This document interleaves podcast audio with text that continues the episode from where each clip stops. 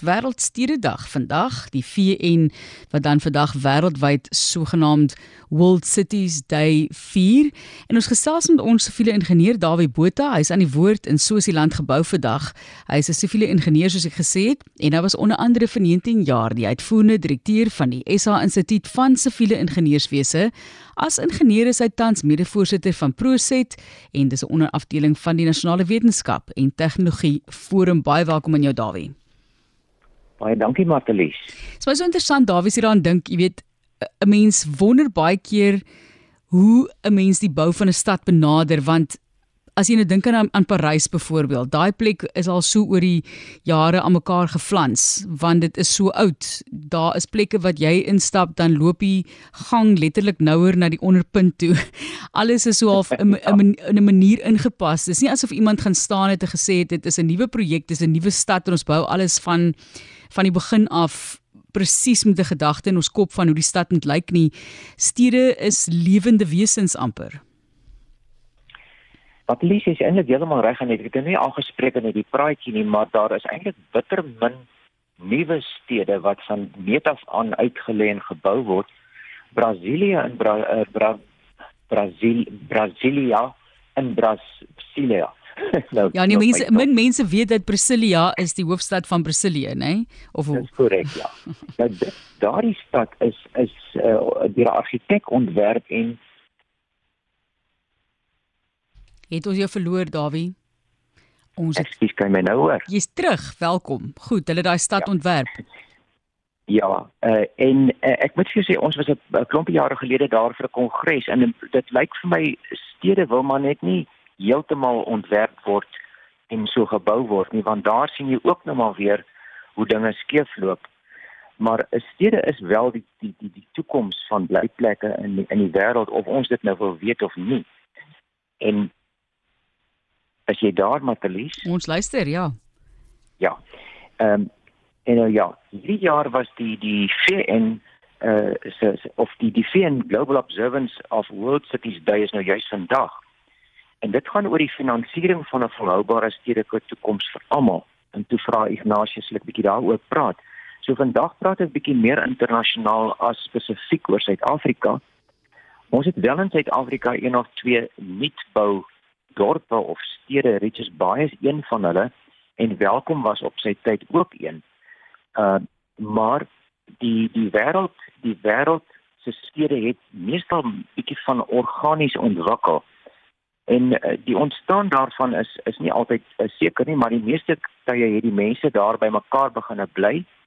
Hulle het miskien hulle self wou beskerm teen ander groepe mense, dalk teen diere. En dan het hulle natuurlik plekke gesoek om handel te dryf en uh miskien uh, ook 'n plek vir die koning om te bly. Nou baie van hierdie stede was dan ook met groot hoë mure omring met poorte en mense lees natuurlik in die Bybel van baie van daardie stede en hoe stede ook sommer vroeg vroeg spogplekke geword het in paleise, tempels en kerke. En dan natuurlik weet ons ook van die beroeg, beroemde of berugte toring van Babel. Nou vandag se stede het nie meer mure nie, maar meeste het beton en glastorings wat 'n mens van ver af kan sien. Kyk net maar vir Sandton en Johannesburg se toringgeboue. En ek dink dit was gister het julle ook 'n praatjie gehad op RSG oor die Pontywoon toring ja. in Johannesburg. Nou op ligter noot, jy weet soos diere baie keer in troppe bly, uh bly mense graag in dorpe en stede vir vir baie goeie redes. Daar's dienste, alles is relatief naby. Dink maar as jy op 'n plaas bly en jy moet vir 'n brood of vir 'n vir 'n liter melk uh gaan gaan ry.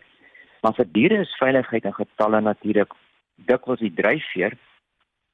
En so uh, op 'n ander noot, deesdae is stede dikwels die broeiplek van onheil waar mense so dig op mekaar woon. Maar wat sê die VN van 2023 se viering? Daar word hoofsaaklik gepraat hoe om belegging in stedelike beplanning en transformasie te ontsluit en hoe om voldoende fiskale desentralisasie te verkry. Nou dis omtrent 'n mondvol. En ek moet sê klink so bietjie soos 'n praatwinkel daarin. Nou, volgens dan die Google is die is wêreldstede die plek waar daar besluite gemaak word spesifiek in die finansiële sektor. Ons kan maar dink aan Londen en 'n paar van hierdie plekke, Hong Kong onder andere. Dis ook die plek waar groot besighede hoofkantore het. En New York is onder andere volgens een klassifikasie die absoluut belangrikste stad ter wêreld. Maar uh, Kaapstad is ook in daardie lysie en hy word baie hoog geag, maar dit is as gevolg van sy topografie en geografie van daardie stad wat natuurlik so pragtig is. Nou Suid-Afrika gebou. Nou ons eerste stad het logies hier aan die Kaap ontstaan. Maar lank voor die Kaap was daar in die binneland 'n klompie groot en nie groot nie stede of dorpe waarvan baie met die tyd saam verdwyn het. Nou ons dorpies hier op die platteland lyk my is ook besig om te verdwyn. Nou een van hulle is Mapungubwe in die noorde van die land. En dit was al rondom die 1200s 'n handelsentrum vir onder andere goud en ivoor. Daar word geskat dat dit so so wat 5000 inwoners gehad het. Heel wat vir daardie tyd natuurlik. In Noordwes daar naby Hartbeesfontein het 'n boer my een keer na 'n baie interessante plek geneem op die heuwels daar. Daar's nog tekens van 'n dorp of 'n stad sigbaar, maar al wat oorgebly het is 'n klompie klippe van mure en huise maar daar selfs 'n waterleiding en 'n opgaadam, so dit dit is my baie interessant geweest om hierdie hierdie plek te sien. Nou in die eer, meer onlangse verlede het het die stede in Suid-Afrika natuurlik ontstaan rondom baie spesifieke plekke soos die aanmeetplekke vir vir skepe, Durban, Port Elizabeth, Oos-London, ek noem maar die ou name. En die stede het ook dan wat rond vervaardigingsbedrywe wat daar kom vestig het en rondom invoer en uitvoer van allerlei produkte. PE was baie lank die plek waar die waar daar 'n wolmark was uh, en nog is natuurlik en dit het hoofsaaklik gegaan oor die uitvoer daar. So wêreldhandel het 'n groot rol gespeel om ons hawe stede te ontwikkel. Durban byvoorbeeld, dink 'n bietjie aan sy suikerterminaal, Richards Bay se steenkoolterminaal, Port Elizabeth se mangaan uitvoere oor Londen se voertuigterminaal en dan natuurlik die groot vrugte uitvoere van Kaapstad ek praat nou nie van die invoere spesifiek op hierdie stadium nie. En dan was 'n ander rede vir stede was die ontdekking van minerale, dis nou in Suid-Afrika. Kimberley met sy diamante, goud uh vir Johannesburg, Rustenburg as gevolg van platinum en krom en ander minerale. Maar daar was ook ander redes vir die ontstaan van stede. Dit was nodig soos wat die die die lande ontwikkel het om administratiewe sentrums te skep in Bloemfontein. Pretoria en Pietermaritzburg is byvoorbeeld voorbeelde daarvan waarskynlik. En oral waar stede ontstaan het, was dit soos 'n blink liggie en 'n magneet wat werklooses getrek het want miskien is daar tog werk daar en 'n beter toekoms. En so die Anglo-Boereoorlog en die Rinderpes en die depressie veroorsaak dat baie verarmde Afrikaners stede toe is om te gaan werk soek. Nou Jochem van Bruggen, die skrywer wat in Magaliesburg gebly het, sy boeke oor Ampie vertel die hartseer verhale van Ampie wat in die stad beland het. Daar was nou onlangs so 'n reeks op op op radio ook. Nou ek het die boeke lanklaas gelees, maar daar's 'n grappie wat die ronde gedoen het oor Ampie wat nou maar as 'n as 'n as iemand uh gegaan het wat maar gesukkel het in die lewe en dat hy sou gesê het daar's 20000 werklooses in die stad en as hy dan nou stad toe gaan, dan gaan daar 21000 werklooses wees. Nou dis omtrent soos dit deesdae voel met die verstedeliking. En wie van julle onthou F.A. Venter se boek Swart Pelgrim? Dis die verhaal van Kolosili uit Transkei. Hy het gaan werk soek in die groot stad, dis in Johannesburg, waar hy mandjies verkoop het onder andere en vandag nog as ek sien iemand verkoop verestoffers of besems of mandjie op straat dan kry ek nogal 'n bietjie eh, seer in my hart want dis iemand wat 'n toekoms soek en iets beters vir homself soek. Ek het soms goed gekoop wat nie nodig nodig was nie, maar dink 'n bietjie hoe moet dit wees om nie vaste werk te hê. So is daar vandag in en rondom Suid-Afrika se stede en dorpe honderde duisende mense wat stede toe trek agter 'n beter toekoms aan en dan baie haglik uh, in haglike omstandighede daar gaan bly ten spyte van die feit uh bly hulle daar want daar is werk en so dikwels gaan die mense dan met vakansies soos hulle sê land toe en dit sien ons nogal baie in Suid-Afrika en van hulle gaan bou vir hulle huise in die in die land en dan kom hulle weer terug en kom bly in hierdie klein plekkie in die stad. Nou dis natuurlik nie net 'n plaaslike probleem nie of 'n uitdaging nie. Oral in die wêreld is daar uh, stede waar arme mense gaan gaan werk soek en gaan bly. Ek was eendag by 'n kongres in New Delhi en ek daar gaan rondloop terloops in 'n giftige rookmis, iets verskrikliks. Nou dis een van die megastede waar ek nie kon verstaan hoe mense oorleef nie. En in 'n plek soos Parys, Frankryk, bly die arme mense ook ver buite die middestad. So as jy van Charles de Gaulle se lughawe met die trein na die middestad toe ry, is dit skokkend om die verval en die armoede langs daardie spoor te sien. En ook weer te loop op daardie trein is my beursie gesteel. Baie slim uit my sak gehaal. En die Franse polisie vra vir my toe weet ek dan nou nie dat Parys die sakkeroller hoofstad van die wêreld is nie. Nou ek het hom net onge met ongeloof aangestaar. Maar ja, hier by ons en hier naby naby die Kaap is daar daar duisende mense wat in sinkhutte op Kaapse vlaktes bly en wat swaar kry in die winters. En dis maar een van die voorbeelde in Suid-Afrika. Aan die ander kant is stede die oplossing vir volhoubaarheid. En Dr. Kevin Wall, voormalige president van SAICI, wat 'n gekwalifiseerde stadsplanner en siviele ingenieur is, sy standpunt was nog altyd dat 'n mens net volhoubare dienste kan voorsien as mense in stede en dorpe sou woon. Want dit is net onmoontlik om volledige dienste te voorsien aan 'n huisie op die plaas of drie huisies op die heuwel. En dit is dis baie baie duidelik dat stede is die toekoms as 'n mens dienste wil voorsien. Dink maar bietjie aan die aan die vesel vir internet. Maar Dr. Walsh se mening en voorwaarde was stede kan slegs werk as dit ondersteun word deur behoorlike ingenieursinfrastruktuur.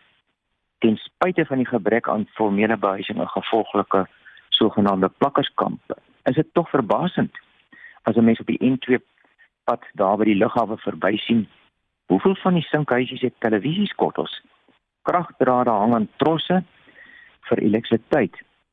Maar menswaardige sanitasie is baie moeilik om te voorsien as jy in on, onbeplande uh gebiede bly en net soos watervoorsiening moeilik stormwaterdreinering in in die Kaap sal hulle ook weet wat gebeur as dit reën. En hoe mense daar oorleef na jaar na jaar is soms moeilik om te verstaan. Maar soos ek reeds gesê het, stede bly die antwoord vir die toekoms, bly effektief want daar kan jy skole en kerke en sport sportfasiliteite en winkelsentrums bou en massa vervoer en werkgeleenthede skep en dit is met ander woorde die antwoord of ons dit nou wil weet of nie. Ons land is nie anders as ander lande nie. Ons stede lyk van uiterste armoede en gebrek tot by glimmende toringgeboue en die blyplek en speelplek van welgesteldes agter hoë mure waar alles werk en tuine en huise jou gou laat vergeet wat daar aan die ander kant aangaan. So ek hoop nie die viering van Stededag net 'n lekker geselsie sal wees nie, maar die realiteit in die oog gestaar sal word. En daar moet besef word dat ingenieurs en die ander geboude professies is nodig om die lewende stad en in die land volhoubaar te maak. En ek hoop in 'n volgende praatjie sal professor Kobus Du Plessis van Stellenbosch bietjie gesels juis oor die rol van stadsingenieurs en hulle kollegas.